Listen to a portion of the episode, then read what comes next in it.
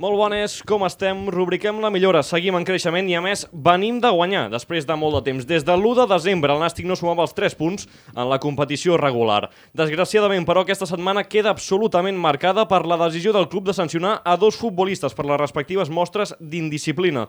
Més enllà de poder pensar que la gestió del club tingui certa responsabilitat en aquestes situacions, una immensa part de l'afició i l'entorn gran han mostrat la seva acceptació amb la sanció cap als jugadors.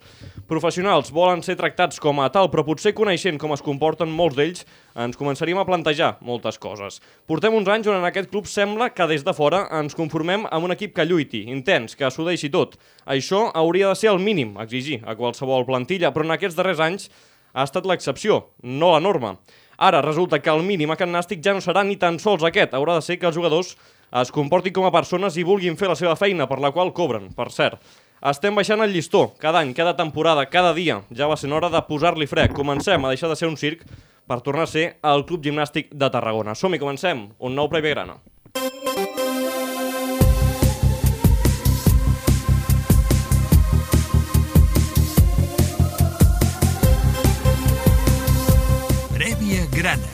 Adrià Tella.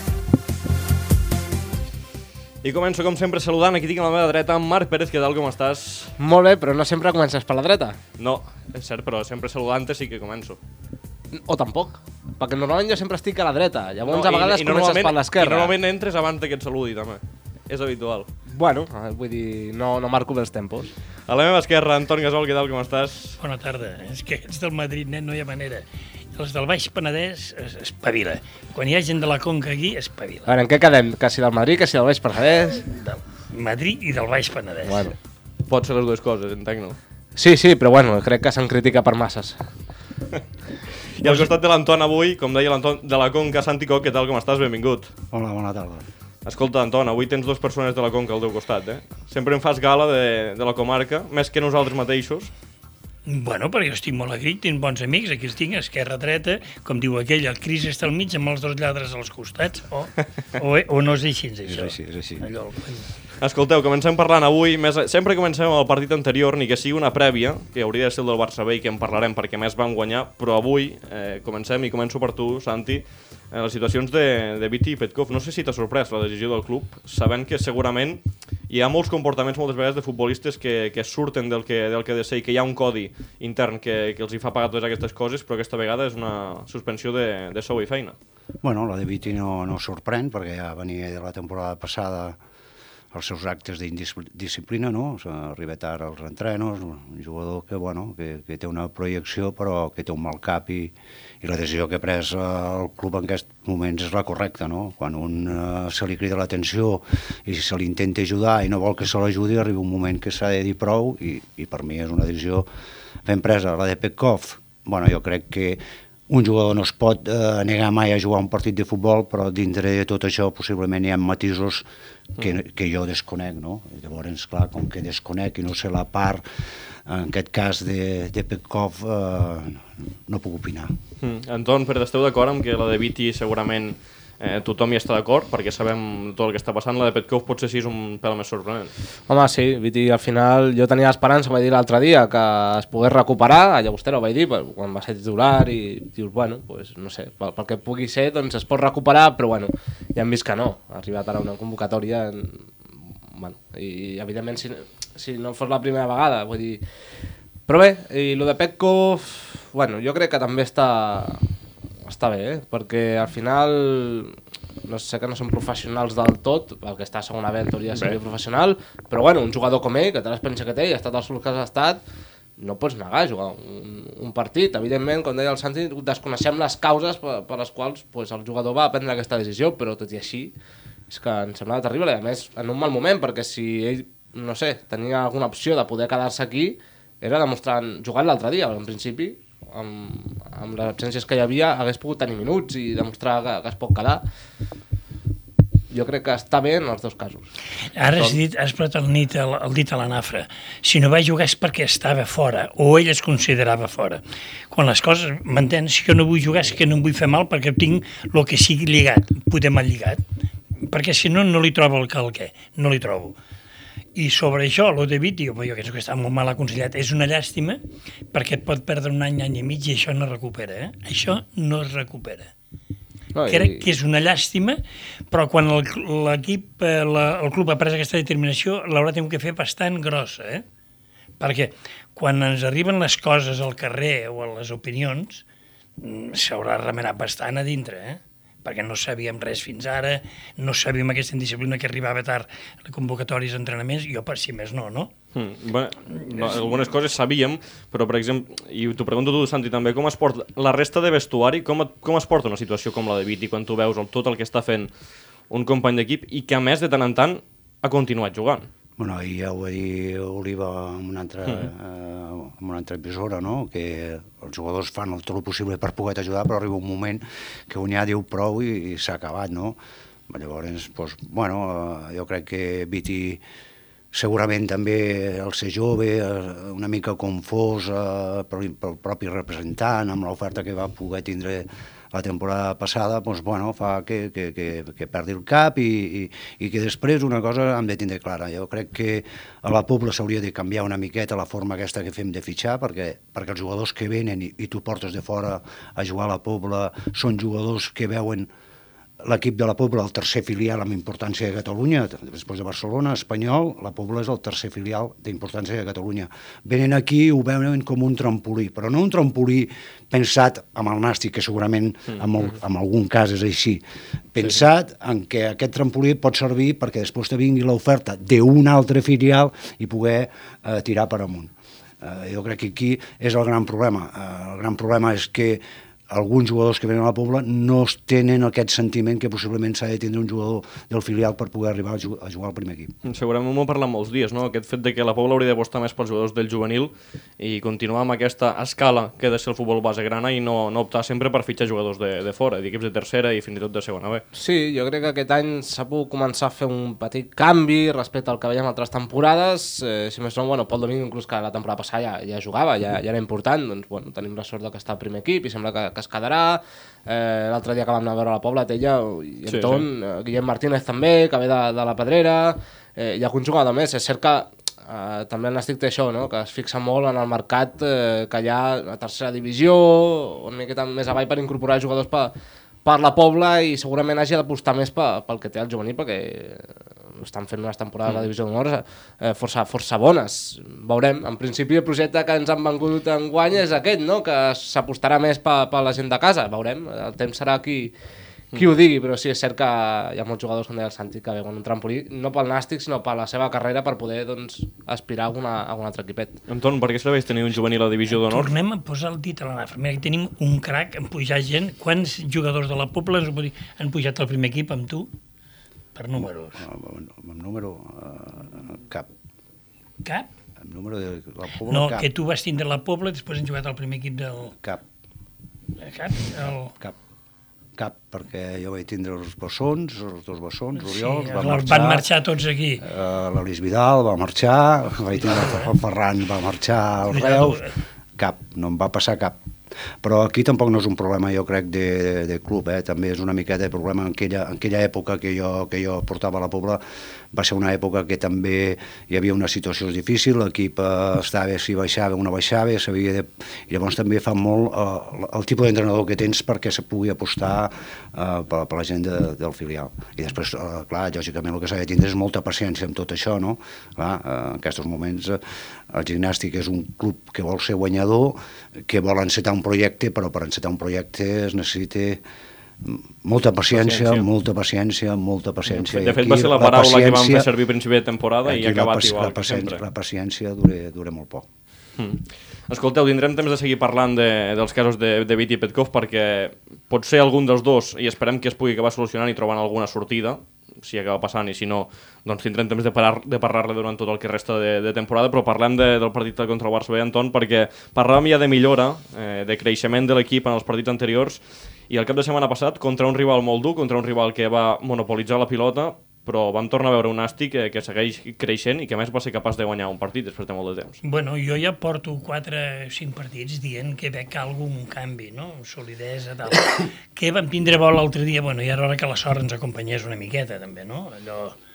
Llavors, jo crec que, que no està malament l'equip. Jo no acabo d'entendre el Pedro per la banda. Jo crec que el Gerard Oliva li està donant en punta una mobilitat que ens feia falta però sembla que Antoni Saligrat al mig del camp no, es, no us organitzem, no volem pilota, volem joc directe. Per mi tindríem que obrir més les bandes i veig l'equip consolida o agafar confiança, perquè l'equip tampoc ha sigut dolent abans tampoc ha sigut dolent. Vull dir, per l'altre dia la gent diu és que Bernabé, Bernabé ha fet bons partits, altres no tants. L'altre dia poder va demostrar una miqueta més que en va fer quatre bones que podríem... Però, clar, si tu no xutes, si tu no hi vas... Vull dir, vam tindre sol, l'altre dia vam tindre sol, eh? Comencem el partit, aquella pilota al pal curt... Mm -hmm. Vull dir, que la vida té que acompanyar. Vull dir, a la Llagostera vam veure un canvi molt elevat en consistència, lluita, en les línies més curtes i anar a dalt. I llavors jo crec que és, poder és un joc que a mi no m'agrada, però que és efectiu. I diumenge a Andorra farem la campanada. Santi, com vas veure el, el Nàstic? Bueno, jo crec que el que buscava l'entrenador, l'entrenador va vindre sapiguent el que ell buscava als equips que ha estat, no? Mm. Un, un entrenador que, que prefereix que la pilota la tinguin els altres i tu esperar que s'equivoquin. En quant a la millora, la millora defensiva ja ha estat, eh, l'únic que ha canviat, doncs, bueno, que l'altre dia les vegades que ens van arribar eh, no, No van es estar van fer encert, no es van fer gol i nosaltres no vam tindre una i vam fer el gol. A mi possiblement el partit que em va agradar més va ser el partit de Llagostera, perquè era un camp molt més difícil, on inclús sent un camp, eh, per mi es va jugar millor a futbol que no pas eh, Sí, sí, que vam jugar contra, contra el Barça. Bueno, és, el que, és l'aposta que s'ha fet, no? portar un entrenador, eh, porteria zero i a partir d'aquí pues, la- l'ocasió que la tinguis la fas i si no almenys no, no perdre. Mm. Pere, t'ho vam dir l'altre dia, ja és cert que segurament a, a Llagostera el Nàstic ofensivament va, va ser un equip que va proposar més, però també és cert que era molt complicat prendre la pilota al Barça B, Vale. i jo crec que el Celigrat ho va acceptar des, de, des del primer moment, va optar per defensar-se, li va sortir bé, el Nàstic va patir jo crec que poc i en jugades aïllades, que també et podria haver costat algun gol, evidentment, perquè el Barça B té qualitat, però va ser capaç de deixar la porteria a zero i vas trobar el gol i t'endús els 3 punts. Sí, segueix la línia positiva. Mm, El Nàstic havia de corregir una cosa, que era el nivell defensiu. Abans feien gol amb una cosa i mitja o per errors teus propis. Ara això s'ha solucionat. És cert que fan ocasions, evidentment, perquè els rivals també juguen, però no són eh, ocasions que realment mm. siguin produïdes per, per tu mateix i aquesta línia és important. Al final un equip que vol sortir d'allà de, del pou necessita, ja no dic deixar la porteria a zero, però no concedir gols eh, estúpids com era, com era el cas, malauradament. Per mi hi ha tres claus. Una, Pol Domingo, titular, i va deixar sec a Abel Ruiz, que és internacional, amb su... Sí, en selecció- categories inferiors de de la selecció. espanyola i bueno, ara crec que marxarà a, l'Sporting de Lisboa, però bueno, Veurem. eh, no el va deixar fer res, és que no el van superar en cap ocasió, en cap. Eh, després Bernabé, que comença a salvar punts. Sí. Jo no estic tan d'acord amb l'Anton com que la temporada de Bernabé sigui acceptable, perquè per mi a molts partits ha pogut fer molt més, molt més, i ho va demostrar l'altre dia, que és capaç de, de poder ser el porter del Nàstic, eh, sempre quan doncs, salvi aquests punts que necessita un equip gran, i l'altre, anava a dir Gerard Oliva, però com que tampoc va tenir massa incidència en quant als gols, perquè el va fer Pol Ballesteros, Mhm. l'altre fa Miranda, un líder. Un líder que Toni Saligrat el va demanar, Us ell va voler venir, i, i es va demostrar des del primer dia. Bueno, ordenant, inclús a Bernabé Anton li va escridassar, bueno, escridassar, si es pot dir així. Ràpidament, Antoni i Santi, què us va semblar el debut de Fran Miranda?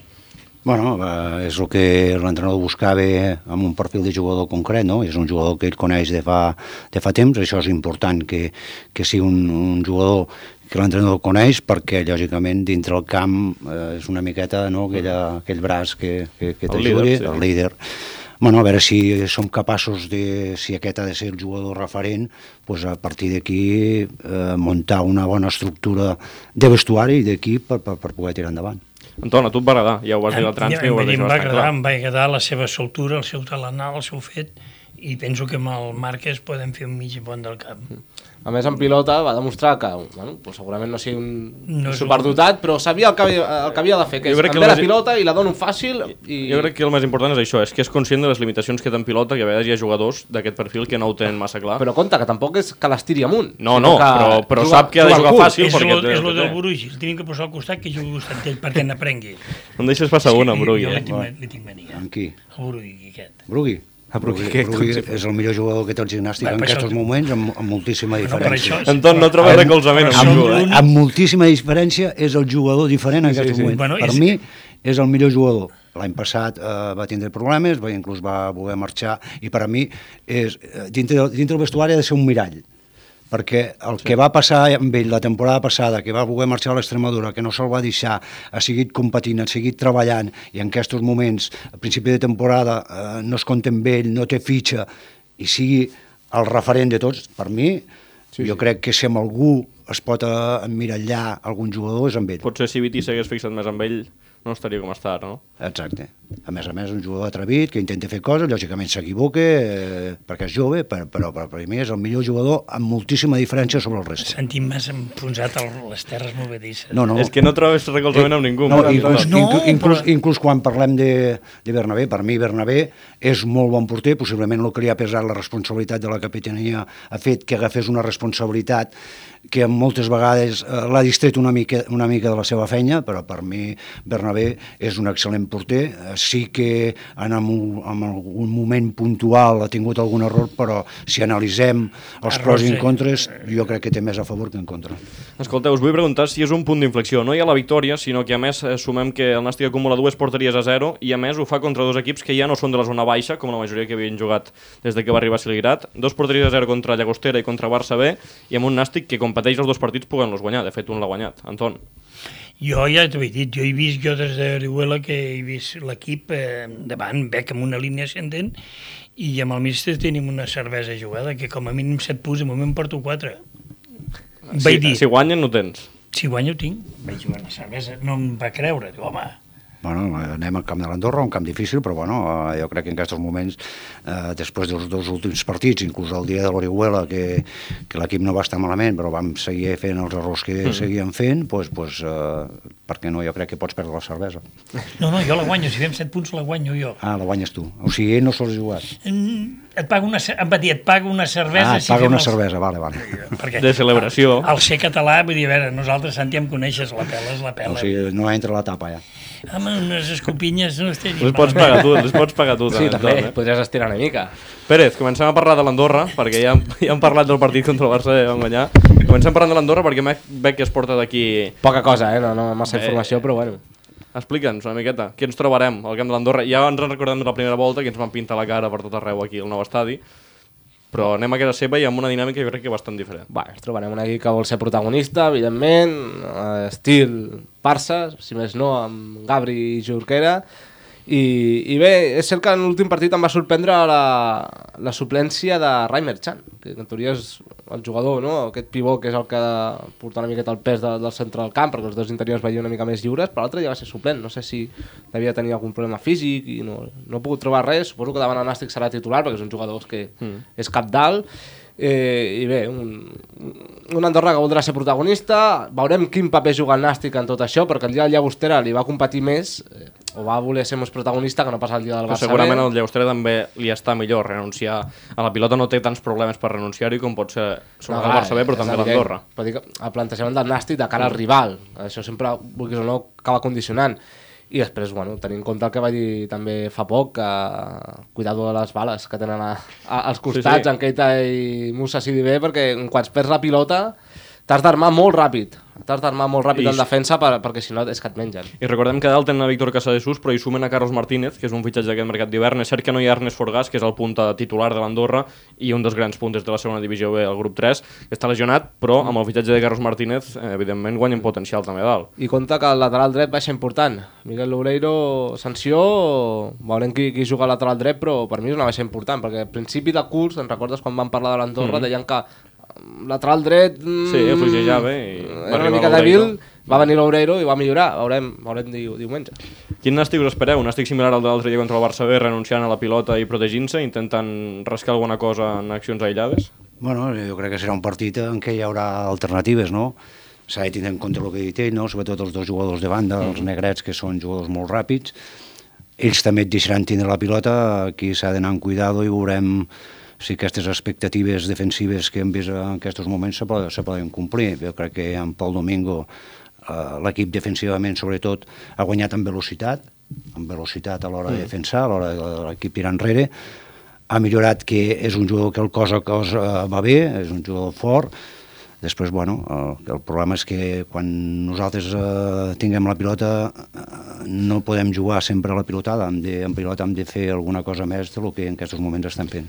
Segurament l'altre dia també això, imagino que va anar condicionat pel fet de que Márquez no, no hi fos i Petkov es negués a, ajudar, se- a jugar. Segons, segurament Celigrat imagino que tenia la intenció de posar en Miranda Márquez i si no Petkov per donar una mica de, de continuïtat al centre del camp, però és cert que amb Miranda i Goldar l'equip va, va, va demostrar que n'havia faltat en, en creació ofensiva. Però a fora, aquest equip és més... eh, A veure, jo el veig més a fora que no a casa. Mm. Jo estic segur que jugarà la mateixa mig del camp i la defensa del diumenge aquí, eh? Jo crec que jugarà al mateix, Home. al mateix centre del camp. Mateix mig del camp, sí, sí. sí, sí. Vull jo dir, que Márquez no bueno, estarà... és que tampoc no té massa bueno, perquè Márquez poder... com està? Valtres, us pregunto, Santi, si torna Márquez, que imagino que serà titular amb, amb Celigrat, imagino que, imaginem que al costat de Fran Miranda, si, si no canvia res, penseu que saltarà Pol Domingo i Goldar tornarà des de la Sí, defensa? sí, home, eh, el més lògic és que salti sí, pel Domingo i, mm. i Goldar passi a la defensa. Jo, amb el camp com estarà, que estarà pesat... No et dic aquest diumenge, eh? dic quan Márquez sí, estigui sí, bé. bueno, sí. Sí. Bueno, això seria, sí, això seria, Això fora lo lògic. això seria lo lògic. Ara I a a casa veure encara més. mm, per què no traureu uh, uh, l'altre Juan central, que tampoc no és una cosa de l'altre món, i Per no això, és un central que per tirar coets. Pels mereixements de Pol Domingo. Però a part, Juan, Rod Juan Rodríguez millora amb Pol Domingo al costat. Sí, no és cap sí, Pol sí. Domingo... Que pot ser que se senti còmode al costat de Juan Rodríguez, no ho sé, perquè jo no sóc el que juga, però Juan Rodríguez, quan ha millorat, és quan ha tingut a Pol al costat. Però bueno, sí, el més Bé, lògic potser és amb que... Goldar també millora, eh? també t'ho dic. Bueno, és possible, però clar, com que fa tant de temps que no veiem a Goldar, eh, Bueno, quatre partits els va- seguits, El Llagostera els van veure jugar els dos de centrals. quatre partits seguits o cinc jugant junts, que ja no pots treure masses conclusions, però, però bueno, veurem. Jo mantindria Pol Domingo per davant de Juan Rodríguez, però sabe, coneixent el míster jo també crec que serà al revés. Però... I a dalt, Anton, tu has parlat abans de la figura de Pedro a la banda. Eh, és cert que l'altre dia va jugar uns minuts fins que li van treure la targeta groga i que va tornar després a la punta d'atac. No va fer un bon partit Pedro Martín, és, és evident. Eh, canviaríeu alguna cosa? Perquè és cert que Oliva sembla que ha donat molt aquest nàstic, sobretot jugant tan, tan endarrere i tan allunyat de porteria contrària. Canviaríeu alguna cosa a dalt o mantindríeu a Pedro i Oliva o fins i tot a Pedro a la banda? Pedro Banda, Oliva en punta i el meu amic a per l'esquerra. Sí, jo, jo, crec que sí. Jo crec que Brugui ho està fent bé per dintre, mm, eh, Pedro doncs, bueno, no ho està fent malament en banda i sobretot de la forma que pretén jugar el míster, eh, Oliva és la referència, clar. Si tu tires una pilotada ve algú que, que sigui capaç de baixar-la i després sapigués d'aprofitar d'aquesta segona jugada. Possiblement falta una mica ajustar, jo crec que acabaria jugant amb Pedro i Oliva tots dos de dalt, sí. el que passa que possiblement tampoc no hi ha hagut el temps suficient per, per, per acabar de treballar la forma en què s'ha de moure aquests dos jugadors. Pérez? Veurem. Per mi seria molt desitjable que juguessin Oliva i Pereira junts. Un, jo sempre defenso un gran i un menut que, que remeni. Que remeni per allà aquestes segones jugades. Però, bueno, veient tal com està Pereira, o millor dit, com no està, Bueno, Pereira, els últims minuts és tot mobilitat. Vull dir, jo crec que és Sí, el primer però- canvi per dalt, però no per treure... Bueno, però és un no. jugador que eh, se tenien unes expectatives mm. molt grans i Potser possiblement... massa altes. Sí, possiblement massa altes, un jugador que ve ja de tornada i que, bueno, els, els ratos que ha jugat, eh, bueno, l'altre dia al camp de Llagostera té una ocasió clara que un jugador de la seva, de la seva qualitat Sí, ha de sí, fer de gol, no? sí, Allí sí, t'ha t'ha de sentenciar un partit. L'altre dia contra el Barça, doncs, bueno, ni fu ni fa, no, no, no fa res de l'altre món. I, bueno, Pedro jo crec que també li pesa una miqueta el fet de, de no estar tenint els registres golejadors de, de la temporada passada, que s'esperava molt més també, igual que Jota Pereira, potser s'esperaven més del que es podia esperar, que passa que Pedro no, no té els anys que té, que té Jonathan, tot i que jo crec que mm. encara està en una edat mm, acceptable per jugar a segona B. Però Pedro Clar. com jugava, si mirem com jugava el Lleida, jugava amb un extrem amb dos, jugava pel mitjà un juga aquí a Tarragona. Si, si està jugant més de central que no de delanter, Bueno, també hem de tenir en compte que Pedro, un golejador, golejador no ho ha estat. Eh, la temporada passada va tindre la sort de fer Sí. els gols que va fer, però després analitzes la seva trajectòria, ha sigut un, un jugador que ha fet sempre menys de 10 gols, o sigui, no és un golejador. No, de fet, ho, de fet, ho diem sempre, ho va dir ell, O que sigui, no, no era un aquesta referència. forma que dius tu de jugar, jugar per banda, mm, jo crec que en trauria més bon partit Oliva, que el veig més sobretot més, més bona disputa a primera jugada que no pas eh, Pedro. Pedro. que és més de buscar la, la caiguda o la segona jugada. Segurament un Pedro que el Lleida més jugava amb un equip que, que solia estar més a prop de l'àrea. Ara mateix el Nàstic juga molt lluny de l'àrea la majoria de minuts i segurament a, Pe a Pedro li, li perjudica això. Però us preocupa que Pedro i també Pereira, que havien de ser els dos jugadors referència eh, en, en fase ofensiva d'aquest Nàstic, es tinguin en un moment de tants dubtes?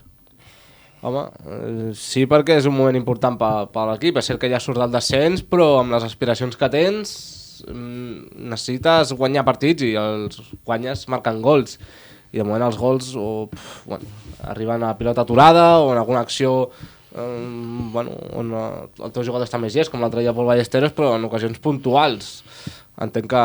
I, i també Gerard Oliva el podria incloure, eh? perquè és cert que a nivell golejador, tot i que sigui el que menys ritme porti dels mm. tres, necessita veure porteria, però, però home, és preocupant que els teus homes, en principi homes gol, no, no, estiguin, no estiguin anotant o veient porteria. Anton?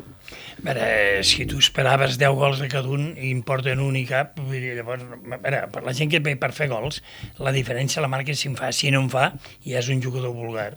Els que marquen tenen, tenen el seu referent. Mm, A veure, tots tenim fins ara, i crec que ens fan falta un extrem, mig del camp, tenim un altre entrenador. Ara parlem ràpidament del mercat, us preguntaré per acabar, Santi, què creu que fa falta en aquest mercat i posem la punt de que Javi Ribelles ha sortit del parte mèdic i serà finalment segurament més de 3 mesos de baixa. Per tant, un jugador que arriba a reforçar l'equip i que jo crec que pràcticament ni jugarà, perquè arribarà amb un tram final i sense ritme, per tant serà complicat. Però Santi, què creus que li fa falta aquest Nàstic encara? Bueno, eh, havent tingut aquest eh, contratemps amb un jugador que jo crec que per- mi era un molt bon fitxatge, un molt bon jugador, eh, es necessiten dos centrocampistes, no? un central, mm, possiblement també, eh, s'hau- s'haurà de veure si Pol Domingo pues, acaba i te, te, te quedaries amb tres centrals, i després eh, un jugador de banda esquerra, sobretot. Mm. Anton? Sí, sí, igual, esquerra, sí, sí, esquerra, dreta, però esquerra, sobretot. Ah, i sobretot un lateral esquerre, sobretot. Competència per Bonilla? Sí, sí, Sí, sí per mi. Bonilla, bueno, un jugador que, que, que, que quan es parli aquest jugador solament es parli de la pilota aturada, mm, clar, jo crec que un partit, un partit de futbol hi ha moltes més coses i quan Sí. passen moltes més coses eh, té moltíssimes mancances. No, de fet, l'altre dia, en la darrera, una de les últimes jugades del partit, s'equivoca defensivament i regala una pilota dins l'àrea al Barça B. I, I les jugades de, dels tres gols de Saragossa, les tres jugades que el Saragossa entren, Venen pel seu costat. venen pel seu costat. Mm. Pérez, què portaries? Jo portaria eh, un... És que, de fet, mira, lateral esquerre podria estar d'acord, però és que no portaria cap. A la Pobla jo crec que hi ha un nano que, Mm. que podria competir, però sense cap mena de problema, amb Bonilla, que és Cardona, que està fent una temporada espectacular, que com Pol Domingo comet molt poques errades, és cert que veuríem no, el canvi de, de categoria, a veure què la segona B, jo pujaria Cardona, tot i que potser això trastoca una miqueta els plans de la Pobla, però al final és que al I el, final lateral- està pel que està. el lateral que dret, a mi em va agradar molt com es diu el dret. El... Ah, Caballero. ah, que em va, em va encantar. Ah, bueno, aquest. sí. I feia- Lateral sí, sí, dret, molt- vull dir, saps? molt bon jugador. Molt bon, dir, em va agradar molt les apertures. Tindrem temps de parlar de la Pobla un dia, perquè és cert que l'altre dia vam anar i hem vist diversos partits i, i hi ha quan un jugadors va a la. Pobla veu cosetes, Sí. veu cosetes interessants. Passa que no s'acaben d'explotar o, o no s'acaben de veure del tot. En qualsevol cas, eh, un migcampista creatiu, un extrem esquerra i un punta. Doncs molt bé, i acabem, com sempre, Pérez, amb una porra. Juguem fora, oi? Sí. Juguem al camp de l'Andorra perquè se situï la gent. Eh, 0-1. Anton, A l'Express, 0-2. Santi, 0-1. no passa res, pots repetir si vols, eh? Jo no ho nego mai. És que tal com juguem, un 0-1 és el resultat que en tenim prou. Molt bé, doncs Marc Pérez, Anton Gasol, Santi Coc, moltes gràcies per ser-hi una setmana més ajustat un nou Prèvia Grana, el 14è, la prèvia d'aquest Andorra Nàstic a Ràdio Ciutat de Tarragona.